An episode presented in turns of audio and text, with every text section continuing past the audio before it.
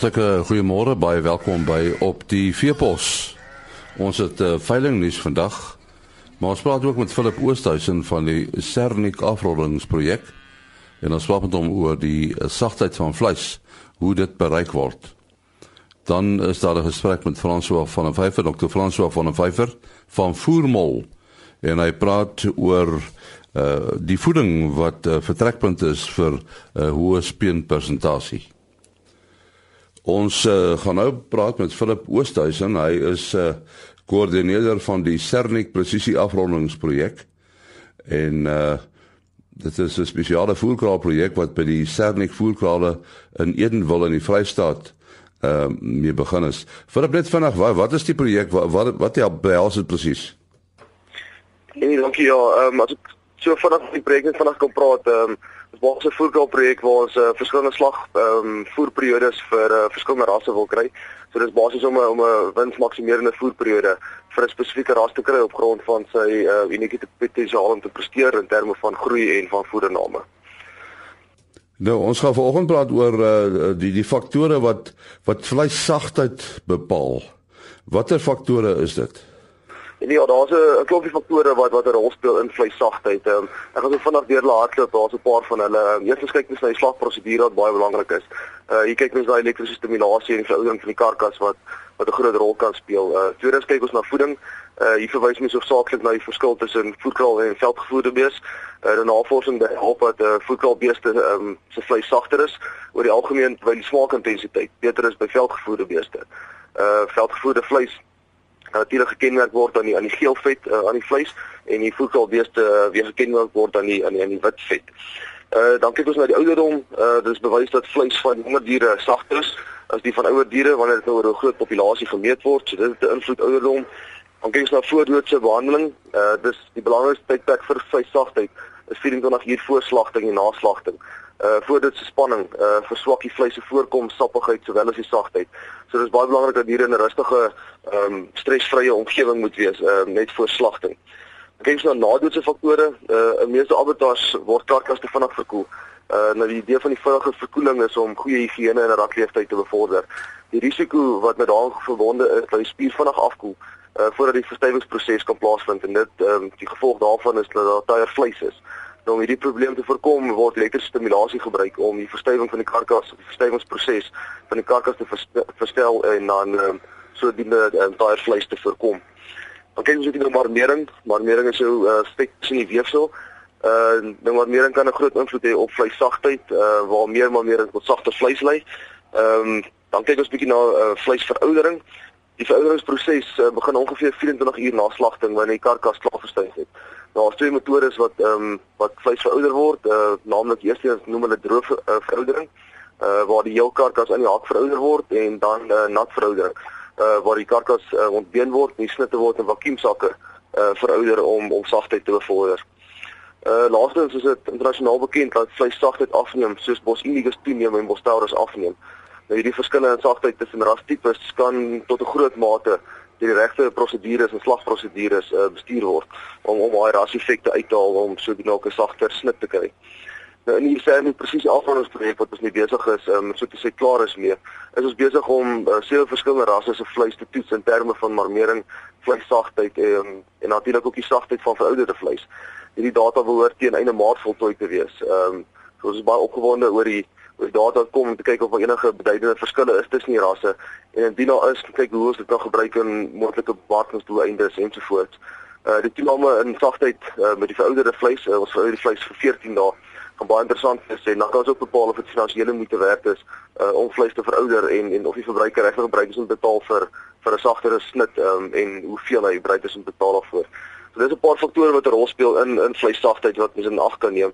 Uh mens kan dus duidelik sien dat mense uh, regtig ehm um, um, meeste van die faktore kan bestuur um, om om sagter vleis dan te gee. Ja.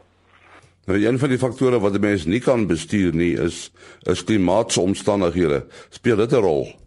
Uh dit dit kan moontlik 'n rol speel. Ehm um, dit dis nou in jou in jou uh, voerproses. Uh dit, dit is nie 'n baie groot uh beduidende verskille wat wat wat klimaat behoort te hê so as jy nog steeds uh, 24 uur voor slagting die diere nog steeds in die regte klimaat kan kry onder dak en rustig kan kry uh, stresvry kan kry met die regte slagprosedures, kan mens uh, grootendeels uh, nog steeds dit oorkom, ja. Die hantering van die vleis uh, verder af van die uh, in die in die ketting uh, slaghuis uh, tot by die huisvrou. Dit speel ook 'n rol, nê. Nee. Ja, dit kan 'n rol speel veral met die veroudering daarvan. Ehm uh, veral as die vleis verouder word, ehm um, weet om om om natuurlik die die ehm um, kleur van die vleis en al daai klas van goede um, reg te kry waar jy vakuum en vakuum sakke en so in in, in rol speel. Ehm um, wat verseker belangrik is natuurlik ook om 'n goeie higiëne en so te hou om ook die vleis natuurlik uh, vas te hou en en wat wat sagte kan beïnvloed ja. Philip het seker 'n uh, bietjie vroeg om enige aanduiding te gee wat waarop die resultate afstuur, né? Nee? Ja, hulle hulle het sopas eers begin om om om die goede te um, om die vleis goed te te toets alvoor so so ons wag in spanning. Uh, dis dis 'n klomp snitte wat wat getoets moet word. Uh dis nou by die voedselwetenskap departement by, die Universiteit van die Vrystaat of waar hier so is dan weer. So ons wag om te kyk seker hierdie middelmaat behoort ons al die data te hê en dan van daar af kan ons gesels om te kyk um, wat die data vir ons vertel ja. Nou ons sê baie dankie aan Philip Oosthuizen. Hy is die koördineerder van die Cernik presisie afrondingsprojek. En nou veiling nuus. Op die 28ste Januarie hou die Kinku Dormers 'n veiling op Swellendam in die Suid-Kaap. Ook op dieselfde dag uh, vind die 22ste Blouberg geselekteerde aanteelveiling plaas op Vivo. Daar is 571 beeste bestaande uit top Bonsmara Kruisbonsmara en Bovelder aanteelvee. Die veilingmaatskappy is Vleissentraal Bosveld. Die 16de Velton produksieveiling, dis Consortium Merino, vind op die 29ste Januarie plaas by Felix Dordrecht. 100 ramme en 150 oeye word opgeveil deur Shared Afslaers. Op die 30ste Januarie hou windsmaker Dormer Telegroep 'n veiling by die Vrede veilingskrale 245 dolmers, 25 ramme en 220 vroulike diere. BKB Louet is die afslaersmaatskappy. Tot sover veilingnuus. En nou gesels ons met Dr. François van der Vyver van Voermol Voere en ons sal met hom praat oor voeding wat die vertrekpunt is by lammers tot 'n hoë speenpersentasie. En Frans wat dit is uh, feitelik van selfsprekend as 'n mens so daaraan dink, né? Nee. Ja, nee, dit is so, um, en die mens moet um, egter maar net 'n gedagte jy gaan nou nie 'n hoë speenpersentasie kry met goeie voeding as jou genetika nie reg is nie. So mens moet maar begin met die genetika van die dier. Ehm um, so en die boere het al oor jare geselekteer vir fekinditeit of 'n hoër lampersentasie. En dan natuurlik is die voeding is eintlik die manier om by daai genetiese potensiaal van daai ooi of van die diere te kan uitkom. So jy moet goeie voeding hê om by daai hoë speenpersentasie uit te kom as die diere geselekteer is vir byvoorbeeld 'n hoë lampersentasie.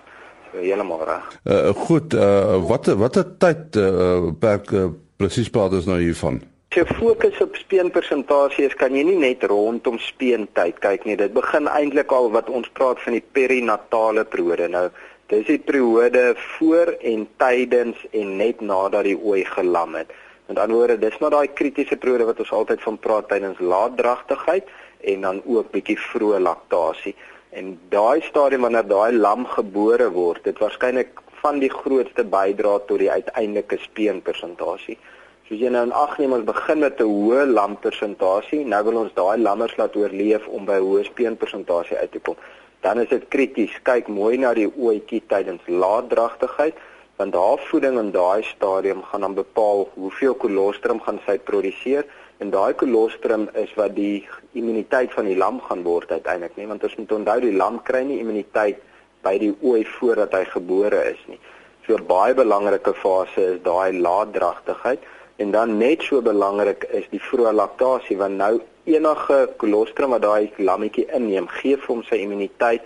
Dit gee vir hom vloeistofinname en dit gee vir hom klomp energie om daai eerste paar dae, daai kritiese 2-3 dae na geboorte om um, te kan oorleef. En dis ook die tyd dat hy met die ooi moet skies vir die Engelse woord maar moet bond. Dis daai bindingstyd tussen die ooi en die lam sodat daar goeie moederseienskappe kan voorkom om die lam ook te beskerm teen um vrektes en siektes en al daai tipe van goed wat vorentoe kan plaasvind. So dis eintlik 'n hele perinatale periode, laatdragtigheid, vroeë laktasie, baie belangrike um, fokustyd. Ja, nou praat ons van voeding, maar jy weet voeding is 'n woord. Uh, wat is soort voeding?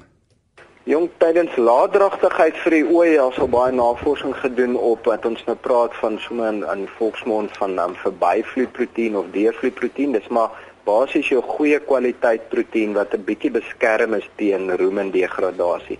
Met ander woorde, die goeie kwaliteit proteïen kom eintlik by die um laer spysverteringskanaal uit van die van die ooitjie self en sy absorbeer daai goeie aminosure. En dit het dan 'n voordeel definitief op haar eierontwikkeling, bietjie op die kolostrum ontwikkeling, daar's bietjie effekte daar en dan ook op die lammerontwikkeling. Um dis is waarskynlik op tweeling fetus en nie of selfs meer partykeer drieling fetus. So op daai ontwikkeling ook. So ons fokus nogal redelik baie op die proteïenvoeding van daai ooitjie en dan die pakkie moet gebalanseerd wees. So ons sal ook gaan kyk na die mikroelemente um, wat belangrik is vir um, dragtigheid en ook dan uiteindelik vir laktasie, net so ook vitamiene. So ons moet na 'n gebalanseerde tipe van aanvulling kyk vir daai ooi. Um, en dis hoekom baie van die boere aan um, deesdae val jy intensiewe stelsels gaan hulle oor na hierdie lamhokkie stelsel waar jy aan so um, na verwys. So In daai um, stadium kan jy vir die ooi presies gee wat sy nodig het in die regte hoeveelheid wat sy nodig het. Want um, jou uitdaging is ook om vir haar genoegsame um, voeding in te gee dat sy um, aan al haar voedingsstowwe kan kan voldoen. En, en watter rol speel kruipvoeding? Kyk, kruipvoeding is nou as, ons nou um, as die ooitjie klaar gelam het, um, dan het jy die opsie om hier van 'n week ouderdom van die lam so van 10 dae ouderdom af vir hom 'n kruipvoer te gee. Nou kruipvoer is belangrik is die kwaliteit. Dis 'n relatief duur voer, goeie kwaliteit voer want ons wil die lam stimuleer om daai voer wel te vreet. En die groot doel vir daai kruipvoeding is om stimuleer rumontwikkeling en dit beteken die lam gaan eintlik bietjie vinniger ontwikkel. Jy kan hom waarskynlik op 'n swaarder massa speen of jy kan dalk 'n bietjie vroeër speen. So dit veral in 'n tyd wat ons nou in is wat ons weet is baie droog, um daai ooi het nog steeds sy hoë voedingsbehoeftes. So gee die voeding direk aan die lam in die vorm van 'n kruivoer en dan spaar jy ook die ooe klein bietjie deurdat sy hoef nou minder melk te produseer om vir daai lam groot te maak. So kruivoeding kan 'n uh, rol speel. Dit is nie noodwendig dat almal dit aanpas uh, of aanwend nie. Hang baie af van hoeveel melk die ooe het, wat se weidings is beskikbaar en ook of jy jou eie dalk graan geproduseerde voere op die plaas het want dis wat jou kruivoer baie keer um, op staat maak.